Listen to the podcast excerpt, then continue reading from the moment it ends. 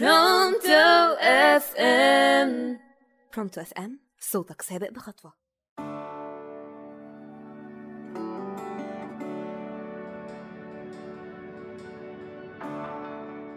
برونتو FM صوتك سابق بخطوة. إزيكم عاملين إيه؟ يا رب تكونوا بخير وسعادة. معاكم ديانا محمد عجوة في برنامجكم خمسة معايا. النهاردة هنتكلم عن الرضا. الرضا ده شعور داخلنا بالقناعة.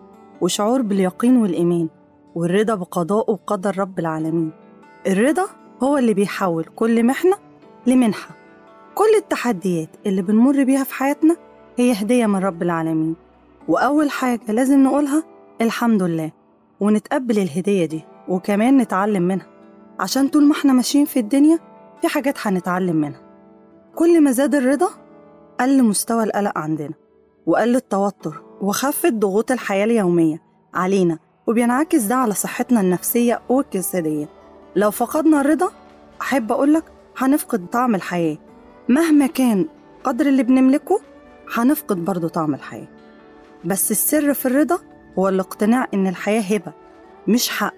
وسر الرضا إن ربنا ما بيمنعش أي شيء عننا غير منع الخبير اللي لا يمكن يمنع عننا غير لصالحنا. الإحساس بالرضا بيخلينا نشوف اللي بنملكه مش اللي بيملكه غيرنا وبيخلينا متصالحين مع نفسنا ومع الناس اللي حوالينا.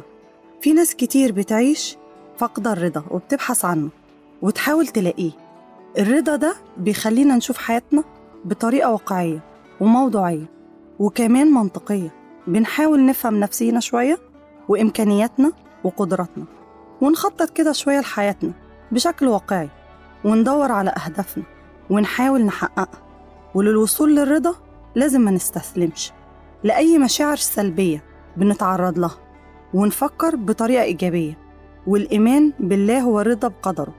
ساعتها بس هنوصل لدرجة كبيرة من التصالح مع نفسنا والتوافق مع القدر ومع كل اللي حوالينا. وفي النهاية أحب أقول لكم كل عملة ليها وجهين بدل الندم والحزن على اللي فات اللي مش هيغير حاجة ولا هيرجع حاجة. لازم نتفائل شوية. والرضا هو اللي هيخلي جوانا البهجة والسعادة والأمل. ونفكر بعد كده إيه اللي هيحصل.